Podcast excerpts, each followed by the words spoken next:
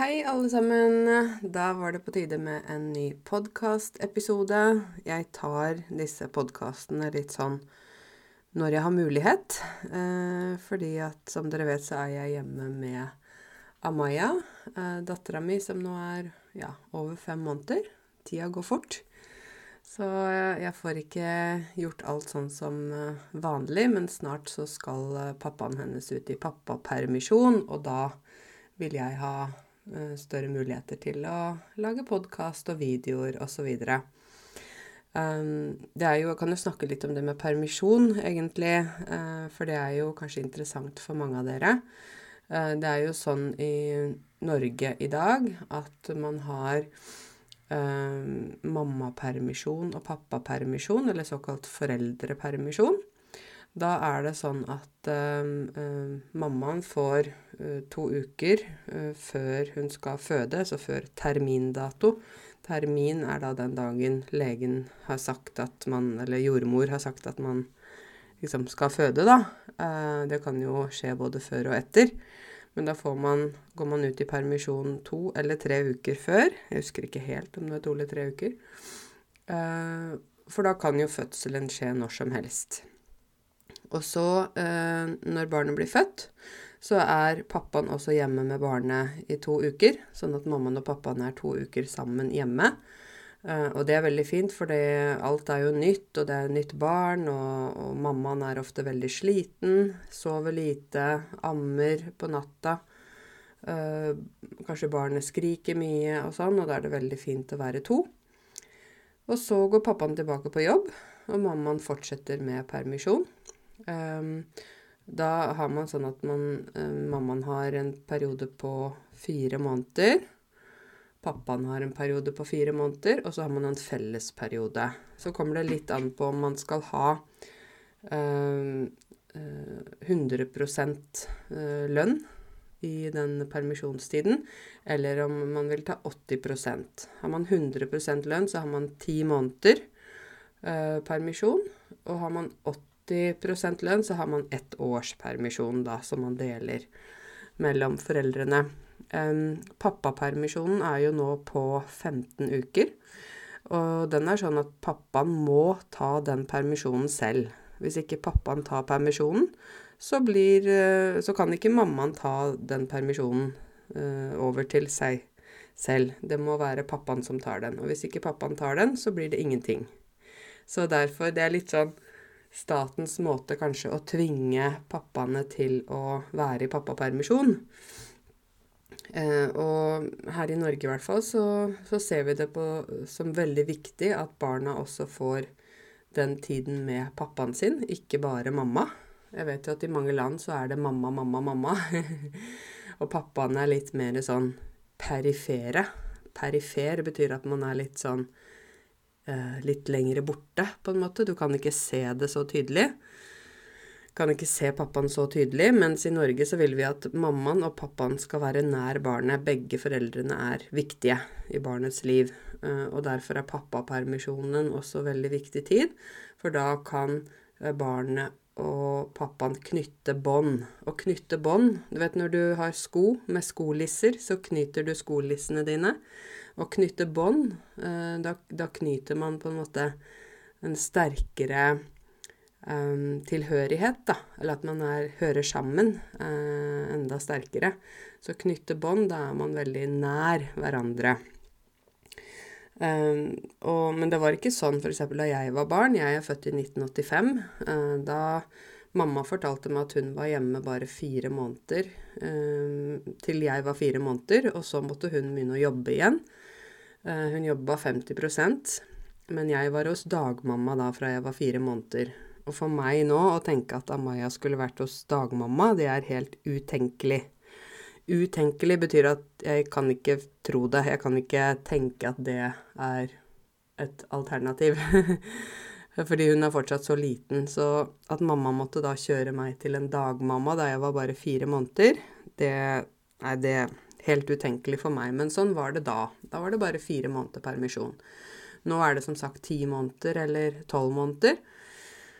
Uh, og jeg vil jo si at Norge er en av de landene i verden hvor vi virkelig har fokus på familie og barn. Uh, og vi vil at uh, man skal få ro når man må få barn. Ikke at man skal stresse tilbake på jobb veldig fort og putte barnet veldig fort til dagmamma eller noen andre som passer på, men vi vil at foreldrene skal være nær barnet. Um, så når min mann skal gå i pappapermisjon nå, så vil jo han være hjemme med Amaya. Nå er jo jeg også hjemme, for jeg jobber hjemmefra og jobber litt på kontor. Men, men i hvert fall da får jeg mer uh, avlastning. Avlastning betyr at er et ord som kommer fra å laste av. Du vet lastebil. Lastebil har last inni bilen. Altså det har for, for eksempel masse esker eller varer inni det store rommet på lastebilen. Last er liksom ja ting. Tunge ting. Å avlaste betyr at man da får hjelp med noe som kanskje er tungt eller slitsomt eller ja. Så når han er hjemme, så får jeg avlastning. Det betyr at det er ikke bare meg med babyen hele tiden, men pappaen er jo hjemme. Og så vil jo hun bli større, og da begynner hun å spise mer mat, og da kan han ta henne med på turer og gjøre mer med henne alene. Og da blir de eh, nærere hverandre, de knytter bånd. Og så får jeg avlastning, og så blir Amaya enda bedre knyttet til pappaen sin, ikke sant. Så det er, er bare en vinn-vinn-situasjon, da, dette med pappapermisjon. Eh, og noen pappaer eh, syns det er litt rart å være alene med barn. De blir litt nervøse, og hva skal jeg gjøre da med barn, og det er liksom mamma, mamma hele tiden. Mens andre pappaer bare gleder seg til pappapermisjon. Men jeg tror uansett så har alle pappaer godt av det. At man har godt av noe, betyr at det, at det er bra for deg. Eh, selv om det kan være vanskelig. Og du tenker å nei, hvis du er en pappa da, som hører på denne podkasten og skal ha pappapermisjon, så tenker du kanskje åh, skal jeg være alene med en baby, hva skal jeg gjøre da? Men det går bra. Og det er bare bra for både pappaen og barnet. At de har knyttet bånd, og at de er nærere hverandre, det er jo bare bra for, for alle sammen. Fordi den tiden som barnet er lite, får man ikke tilbake. Ikke sant? Så barnet er bare baby én gang. Og plutselig så er de store, og plutselig, jeg vet ikke, går de på ungdomsskole og videregående, og så skal de studere, og så skal de gifte seg, og Altså, tida går fort. Så jeg tenker at det er dyrebar tid, da. Dyrebar betyr noe som er veldig verdifullt eller veldig viktig. Um, det, ikke, det, handler ikke om dyrt, men det er noe som er veldig ja, viktig. Det er dyrebar tid, viktig tid, um, som man må ta vare på. Så ja, jeg tror Amaya gleder seg til å være mye med pappaen sin også. Jo, altså, pappaer er jo litt sånn mer morsomme å være sammen med for barna av og til, tror jeg. For mammaer er så seriøse. Mammaer skal liksom gjøre alt riktig, og mammaer passer på at de har riktig klær og riktig mat, og vi trøster og sånn, mens pappaer er litt mer sånn leker med barna, tuller mer, er ikke så nøye på om det er f.eks. matchende genser og bukse. De er liksom Ja, ja, men det er bare klær. Det går bra. Det er ikke noe farlig. og det syns jeg er litt fint, da. Eh, at uh, man, barnet kan få begge deler. Så får man en balanse. Ikke bare mamma, mamma, men også pappa. Eh, og da jeg var liten og barn, så var ikke pappaene så mye i sentrum av Særlig når barna var små. Mens nå i dag så snakker vi om den myke pappaen. Altså eh, pappaer som er ikke så liksom opptatt av å være liksom mann og maskulin og sånn, men de er mer um, varme, tilstedeværende. Altså, de er der mer. De er nærere. De er um, ikke så harde og tøffe, på en måte. Uh, du ser jo I Norge så ser du jo pappaer som triller barnevogn overalt. Det er jo veldig vanlig. Og det er jo fordi de er kanskje i pappapermisjon, eller fordi det er helt vanlig for norske pappaer å ta seg av barna sine. Ehm, det er vanlig å skifte bleier, det er vanlig å mate barna, det er vanlig å gjøre alle ting som mammaene gjør, bortsett fra å amme, for det kan bare mammaene gjøre. Men uh, jeg syns det er veldig fint.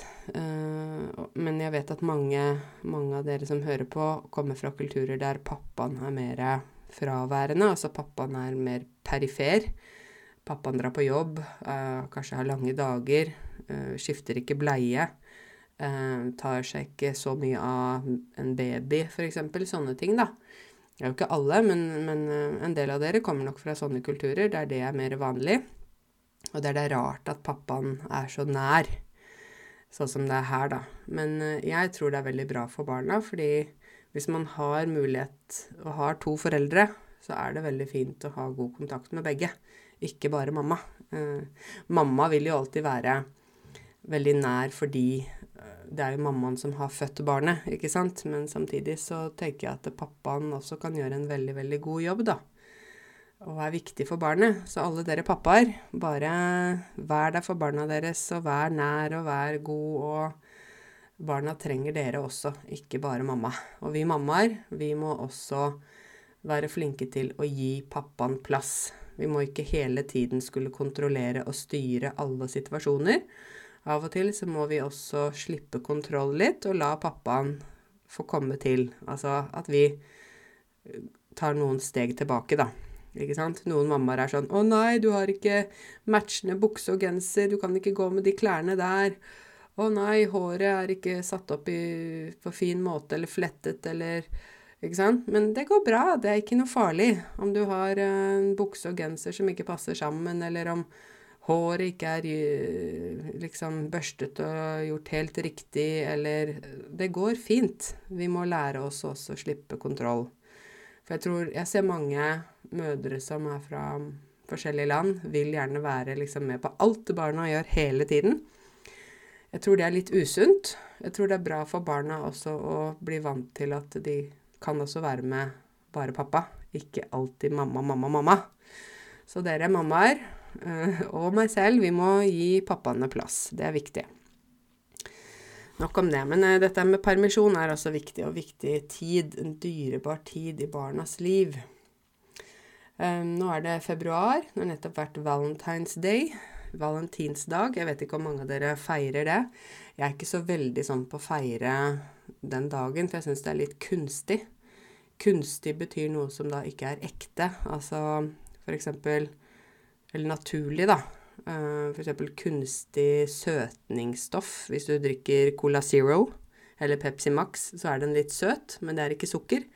Det er kunstig søtningsstoff. Altså noe aspartam eller eller hva heter det, disse her eh, forskjellige eh, stoffene som smaker sukker, men som ikke er sukker. Det er kunstig. Um, jeg syns at valentinsdagen er litt kunstig, for det er sånn 14. februar, da skal vi feire kjærligheten, nå er det liksom oh. Men hva med de andre 364 dagene, da? jeg tenker hverdagen er jo det som er viktig, da. Jeg skjønner jo selvfølgelig at mange vil feire og kjøpe roser og sjokolade og gå ut og spise, det er jo en hyggelig anledning for å kunne ha litt fokus på kjærligheten. Um, men jeg tenker at det viktigste er at man husker kjærligheten i hverdagen, ikke bare én dag i året. jeg regner med at dere også klarer å være litt romantiske andre dager i året, men uh, ja. Um, jeg gjorde egentlig ikke noe sånn veldig spesielt på valentinsdagen med mannen min, uh, fordi jeg var og feiret bursdagen til en venninne av meg.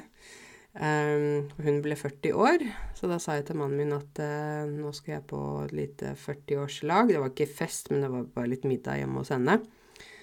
Og han sa greit, for vi, vi er ikke så opptatt av den Valentine's Day da. men da var jeg hos henne. Eh, og så, spurte, så bor hun eh, på Høvik utenfor Oslo, og i nærheten av der hun har leiligheten sin, så er det sånn badstue, og, og folk isbader. Så hun spurte om jeg ville være med på det, men det kjente jeg at det er ikke helt min interesse, så jeg kom etterpå. Men hun pleier flere ganger i uka å ta badstue. Sitter hun inne i, altså mange av dere sier sauna, sauna, men det heter badstue på norsk. Sitter man inne i badstue, og så går man ut og tar kroppen under vann, altså i sjøen.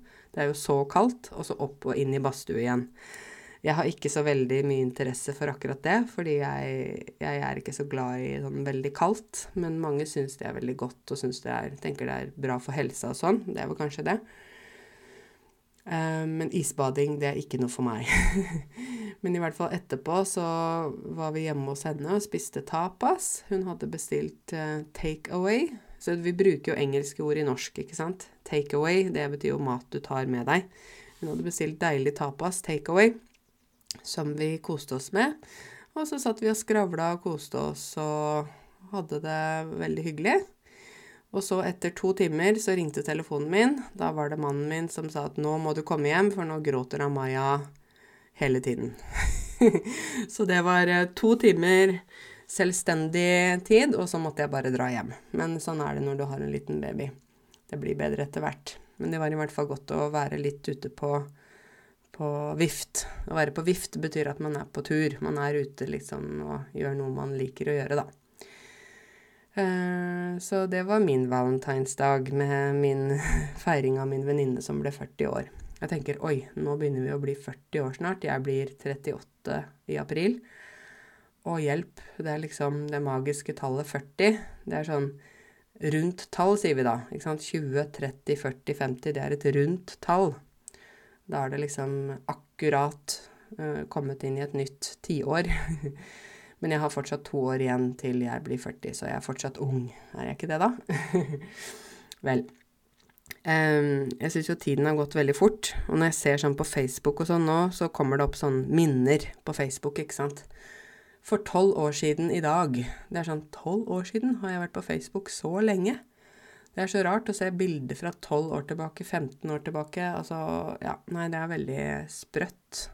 Det er sprøtt. Det betyr at det er veldig vilt. Gal, ikke galt, ikke sånn på en negativ måte, men det at det er litt sånn uh, utrolig. Det er sprøtt. Sprø bruker vi også for f.eks. hvis dere lager um, chips eller pommes frites. Uh, da tar man sånn potetbåter, potetstrimler i ovnen, ikke sant, og da må de bli sprø. Så når du biter, skal det si sånn lyd. Hvis de ikke er sprø, så er de for myke, og da er de ikke noe gode, ikke sant? Så sprø. Men det betyr også at noe er litt sånn utrolig, da. Så, men dere må snakke om en litt sånn vond ting, eh, og det er selvfølgelig jordskjelvet som har vært i, i Tyrkia og Syria. Jeg må liksom sukke litt. Å sukke betyr å puste tungt, og det gjør man gjerne når man er litt bekymra eller lei seg.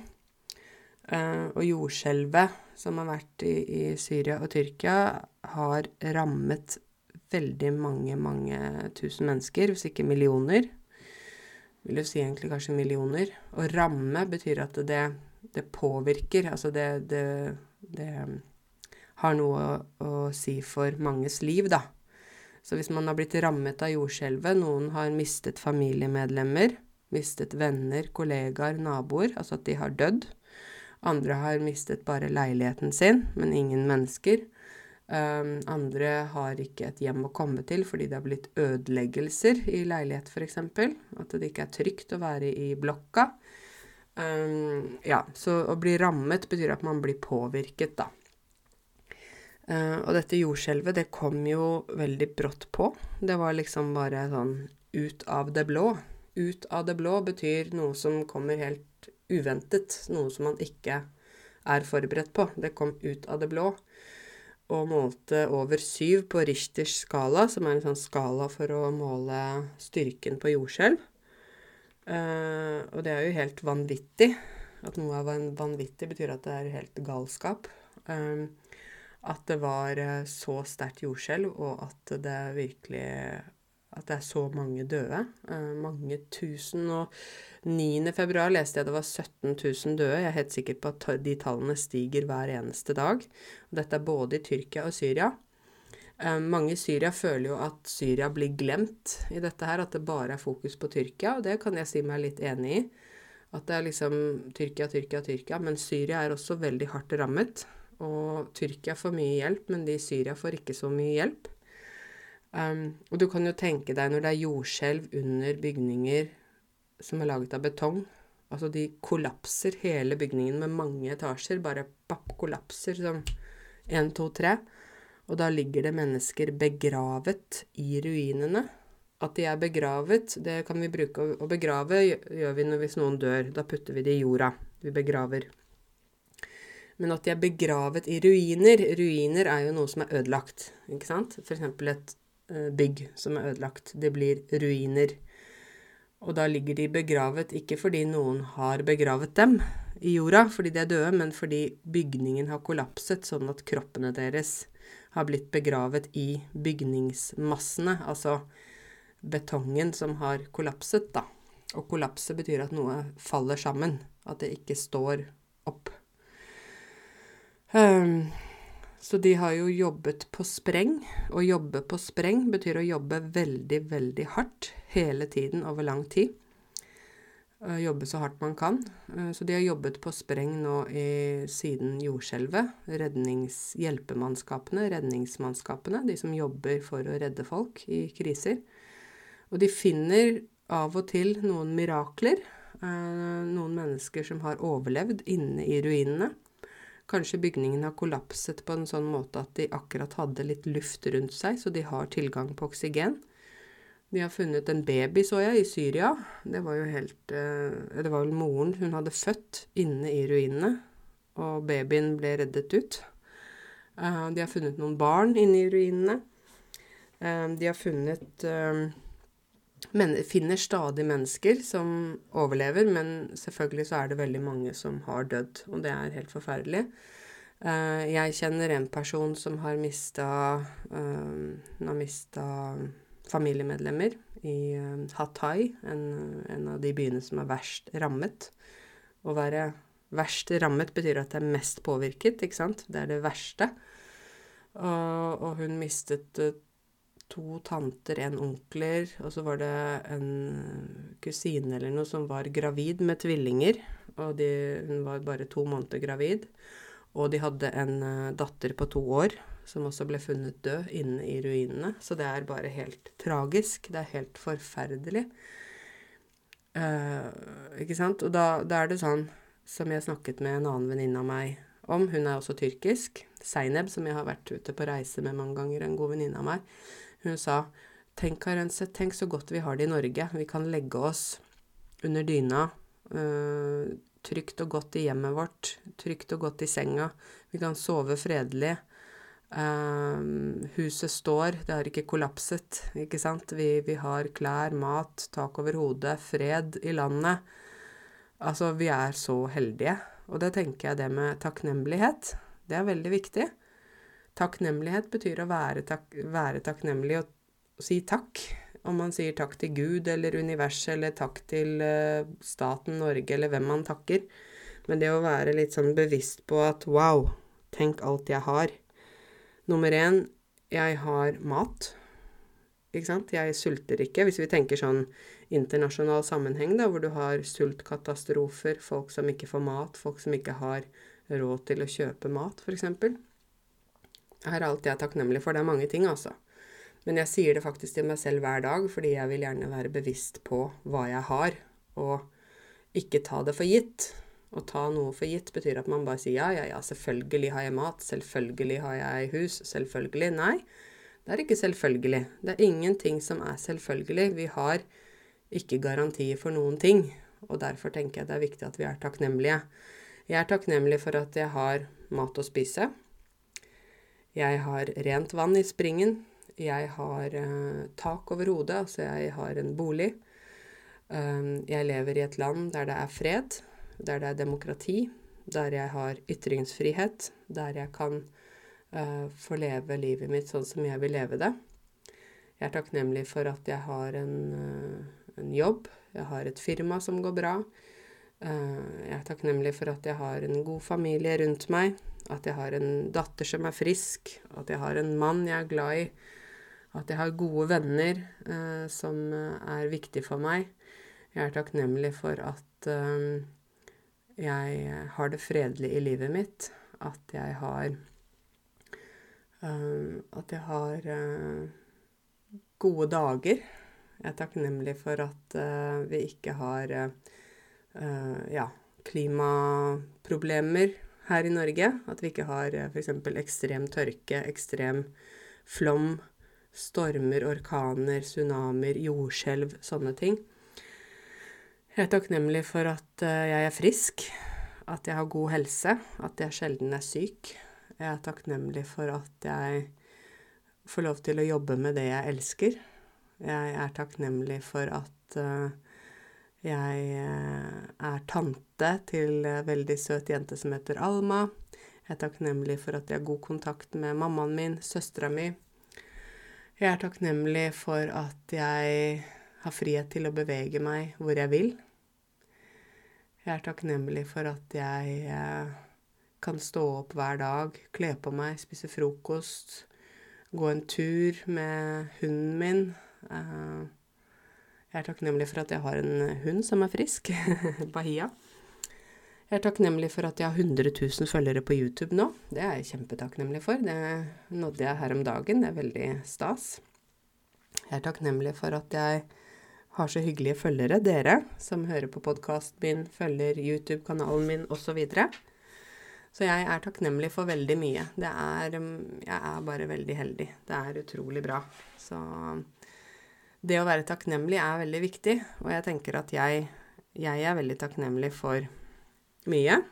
Har du tenkt over hva du er takknemlig for i ditt liv? Har du tenkt over hva du har som er bra i ditt liv? For vi er, veldig, vi er veldig flinke til å fokusere på 'jeg har ikke det, jeg har ikke jobb, jeg har ikke penger, jeg har ikke sånn'. Men har du tenkt motsatt? Ikke sant? Har du tenkt over eh, at du er takknemlig f.eks. For, for at du kan puste inn frisk luft? Bare det. Ikke forurenset luft, hvis, hvis du bor her i Norge.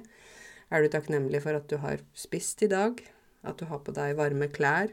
Altså det er mange ting å være takknemlig for, da. Og jeg tror at når vi blir takknemlige, eh, og fokusere på hva vi har, og ikke tenke på hva vi ikke har, men tenke på hva vi faktisk har, da eh, tror jeg man får det bedre. For jeg er sånn Det kan være ting jeg ikke har som jeg skulle ønske at jeg hadde. Ja, selvfølgelig. Men jeg har mer enn jeg ikke har, hvis du skjønner. Altså jeg har veldig mange ting som jeg er takknemlig for, da. Så prøv å tenke litt over det, hvis ikke du tenker så mye over det med takknemlighet og det du har. Prøv å tenke litt over hva du har. Det kan være alt fra at du får spise mat hver dag, til at du har en jobb du liker, til at du har god kontakt med familien din, til at du øh, ja, kan bevege deg Mm, på to bein, til at du er frisk, til at du har eh, barn som det går bra med. Jeg vet ikke. Det er mange ting å være takknemlig for. Så ha heller fokus på det enn å ha fokus på det som du ikke har, tenker jeg. Så takknemlighet, dere, det er viktig. Um, en annen ting jeg er takknemlig for, er at vi har et bra vaksineprogram i Norge. Nå blir det jo sånn at siden jeg har fått et barn, så snakker jeg litt om barn. Jeg skal ikke bare snakke om barn, men jeg tror mange av dere som hører på, har barn selv. Eh, eller jobber med barn, eller er interessert i det. Eh, og det gjelder eh, ja, mange. Og det jeg er veldig takknemlig for, er at vi har et vaksineprogram her i Norge som barna følger. Det er jo et sånn systematisk program der barna får vaksiner eh, Alle vaksinene de skal, til gitte tider. Gitt tid betyr bestemt tid. Så i dag eh, Nå er Maja eh, Hun er over fem måneder, så i dag skal hun få to vaksiner. Jeg gruer meg litt til det på hennes vegne. På hennes vegne betyr at for henne. Jeg gruer meg. Det betyr at jeg har litt vondt i magen, for jeg tenker åh, det er vondt for henne å få vaksiner. Og det er litt fordi jeg selv er pysete. Pysete. Å være pysete. PY. Ikke Y for is, men Y for Yngve. Pysete betyr at man ikke er så tøff. Jeg er veldig pysete når det gjelder vaksiner, sprøyter, blodprøver. Jeg liker ikke det. Men jeg vet at det er bra for henne å få vaksiner uh, for å ikke uh, bli syk. Altså at det er sykdommer som hun kan unngå. Ikke sant? Um, så jeg husker ikke hvilke vaksiner hun skal få i dag, men i dag er det to vaksiner flere mot flere forskjellige sykdommer.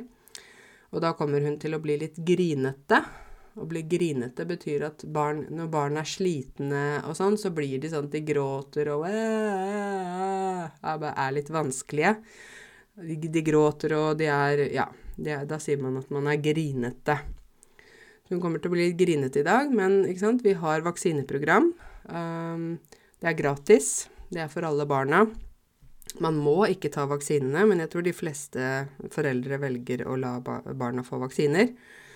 Um, sånn at de er eh, på en måte trygge mot en del sykdommer da, som kan oppstå. Så det er jeg veldig takknemlig for, at vi har et vaksineprogram som fungerer i Norge. Så det er dagens aktivitet. Jeg har jo en B-baby. B, altså det jeg snakka før om A-menneske og B-menneske. A-menneske er mennesker som står opp tidlig og legger seg tidlig. B-mennesker er mennesker som helst vil stå opp sent og legge seg sent, men det passer ikke så veldig inn å være B-menneske når du er i jobb, for da må du gjerne opp tidlig. Men hvis du kunne velge, og du var B-menneske, så ville du gjerne våkne seint og legge deg seint. Jeg er B-menneske. Eh, ikke ekstremt. Noen er jo sånn at de står opp klokka tolv liksom, på en lørdag. Det er ikke jeg. Men jeg liker ikke å stå opp klokka seks. Mannen min er A-menneske, så vi er helt forskjellige der. men uh, Amaya hun er en B-baby. Hun er jo hun er et menneske, men hun er en baby. Og hun liker å legge seg seint og stå opp seint. Så hun sover nå. Nå er klokka over halv tolv, og hun sover ennå. Hun uh, får selvfølgelig mat. Hun ligger og sover, og så begynner hun å gråte. Så må jeg gå og amme henne, altså at hun får melk fra meg, og så sovner hun igjen og sover og sover. Hun sover i tolv timer. Så i går la hun seg kvart over tolv, og kommer nok til å sove til tolv. Og da rekker jeg å lage podkast til dere. så jeg håper at hun holder ut i ti minutter til, så får jeg lagd podkasten ferdig for dere. Um, så uh, B-baby, det er jo både hyggelig, og av og til er det litt dumt fordi det er noen aktiviteter vi ikke får gått på fordi hun sover. Men uh, vi går på babysvømming, da, og det begynner klokka tre uh, hver tirsdag, og da, da, rekker vi det helt fint. Det er veldig gøy å se henne i vannet. Hun plasker, hun kan jo ikke svømme sånn som jeg kan svømme, men hun plasker og koser seg så i vannet. Så babysvømming, dere, det er veldig fint. Og så går vi på babysang av og til. Det er jo babysang i veldig mange kirker, i hvert fall i Oslo. Så er det sånn gratis babysang. Da synger man sanger sammen med babyene og mange andre foreldre med babyer. Og så har man gjerne lunsj og sånn, så det er også hyggelig aktivitet, da. Eh, det var eh, på søndag som var nå, så var det morsdag. Eh, det var min første morsdag, så det var hyggelig. Da fikk jeg blomster og et hyggelig kort fra mannen min og en bok og litt forskjellig. Så det syns jeg er hyggelig å feire, da. Og så sendte jeg blomster. Jeg og min søster sendte blomster til min mamma, eller vår mamma. Så hun fikk blomster på døra. Så det var så hyggelig å feire litt. Markere litt, da. Um, ja, uh, nå er det jo februar. Uh, norskprøvene er igjen om en måned. Det er jo hele tiden sånn, hele året så er det fire norskprøver, ikke sant. Det er i mars, Slutten av mai, begynnelsen av juni, september og november-desember. Slutten av november, begynnelsen av desember. Så eh, jeg merker veldig på skolen vår at det er sånn ikke sant, Når norskprøven er ferdig i desember, så er det litt stille. Og så får man resultatene i januar. Og så plutselig får vi mange nye studenter, for de har ikke bestått den norskprøva de vil. Og så skal de ta norskprøve igjen, og så blir det litt stille etter mars, og så er det Det er sånn, går i sånne perioder, da. Men uh, jeg syns det er uh, Jeg tenkte nå å lage litt flere videoer om norskprøve før norskprøven. Så når mannen min går ut i permisjon, så skal jeg prøve å lage litt flere videoer til dere om norskprøven. Jeg vet at mange ønsker det, da, så jeg skal gjøre det. Jeg syns det er litt kjedelig å lage de videoene, fordi det er liksom det samme hele tiden, men jeg vet at det er veldig nyttig for dere, så jeg, jeg, skal, jeg skal, hjelpe dere med det. Um, jeg leser jo litt inne på Klar tale for å finne litt sånn hva skal jeg snakke om, ikke sant. Eh, for det skjer jo ikke så mye i mitt liv nå. Nå er jeg hjemme med baby. Eh, dagene er ganske like. Jeg har jo ikke vært og reist i Oman eller i Thailand eller uh, Sri Lanka nå. så jeg har ikke, dessverre ikke sånne reisefortellinger å gi dere. Men uh, derfor må jeg gå litt inn på Klar tale og se litt hva jeg bør snakke om fra gang til gang. Eh, men jeg så en artikkel om at nordmenn handler i Sverige igjen. Vi drar på harrytur. Jeg har jo snakket om det før. At i mange år så har jo nordmenn reist til Sverige for å handle billigere mat. Og nå har nordmenn begynt å reise over grensa igjen for å handle. Jeg tror det er billigere i Sverige. Selv om prisene øker, så er det likevel billigere enn i Norge. For nå er det ekstreme priser. Det er helt vanvittig. Eh, jeg skulle kjøpe honning her om dagen. Sånn flytende honning på flaske. Og jeg husker før så kosta den rundt 60 kroner, og nå så kosta den 80 kroner. Og jeg holdt på å miste munn og mele. Det er et uttrykk. Å miste munn og mele betyr at man, man har ikke ord. så jeg holdt på å miste munn og mele der jeg sto og så på den veldig dyre honningen. Så tenker jeg dette her er helt galskap. En venninne av meg fortalte at hun, hun måtte kjøpe brød og hadde glemt å sjekke og handle på tilbud. Og da du kjøper to grovbrød, og det kosta over 100 kroner for to brød. Og det er bare sånn Da mister vi munn og mele alle sammen. Det er så dyrt. Så jeg tror at vi alle sammen nå må bli flinkere fremover til å planlegge eh, innkjøpene våre og handle på tilbud, følge med på tilbudene, fordi ellers så blir man helt eh, Man blir helt eh, blakk. Altså blakk betyr at man ikke har noe penger igjen. Så ja, eller dra til Sverige, f.eks. Ta en tur til Sverige, dere. Uh, jeg tenker uh, Jeg har ikke vært i Sverige på en stund, men uh, det er litt hyggelig, da. Ta en tur til Sverige, ta en dagstur. Shoppe litt, spise litt, gjøre sånne forskjellige ting. Det er ganske ok. For fra Oslo tar det bare Jeg tror det tar to timer, jeg kjører én vei. Så det er liksom ikke så veldig langt heller, egentlig. Um, og det siste jeg ville bare snakke om, som jeg så, var at Erna Solberg hun har, hun har dysleksi. Og jeg vet jo en del av eh, Ja, en del der ute har dysleksi, men at mange er flaue for det, da. Jeg har en venninne som har dysleksi, som er veldig flau for at hun, hun uh, har dysleksi. Og det syns jeg er så trist, fordi jeg tror det er forbundet med litt stigma. Altså at man syns det er flaut. Man syns det er liksom Nei, jeg kan ikke Jeg kan ikke mm, på en måte forteller folk at jeg har dysleksi, da tenker de at jeg er dum. Men dysleksi har jo ingenting med intelligens å gjøre. Det er sånn misforstått. Men Erna Solberg, på, på Klar tale så leser jeg at hun, hun, sier at hun følte seg litt dum øh, fordi hun hadde dysleksi. Og hun har jo vært statsminister i Norge i åtte år. Hun er nå leder av partiet Høyre. Uh, og jeg tenker at det, det, er veldig synd at noen føler at hvis de har dysleksi, så er de liksom dumme. Det har ingenting med det å gjøre. Dysleksi handler jo om at man har, at, uh, man har vanskelig for å lese og vanskelig for å skrive. Man blander bokstavene sånn at ord blir skrevet feil. Man har vanskelig for å lese. Uh, helt vanlige ord er vanskelig å skrive, ikke sant? Og da kan man få for eksempel som jeg leser her, så sier Erna Solberg at uh, jeg husker hvor frustrerende det var å slite med skrivingen, og hvordan det ødela for selvfølelsen min. Selvfølelse er hvordan man føler seg selv, hvordan, hvilken verdi man setter på seg selv. Jeg følte meg litt dum da jeg slet med å skrive helt vanlige ord, og da jeg fikk tilbake prøver og oppgaver fra læreren, var de fulle av røde streker. Dysleksien gjorde heldigvis at jeg ble ganske god muntlig, og jeg lærte meg noen triks. For eksempel så valgte jeg kortere og enklere ord som det var lettere å skrive riktig. Men jeg skal innrømme at det ble litt vanskelig å stave franske gloser. det var først da jeg var ferdig på grunnskolen at jeg ble testet for dysleksi, og det ble en lettelse for meg å få diagnosen. Da forsto jeg bedre hvorfor jeg hadde slitt med skrivingen. Uh, heldigvis kan vi mye mer om dysleksi nå. Det fins mange flere hjelpemidler enn da jeg var ung.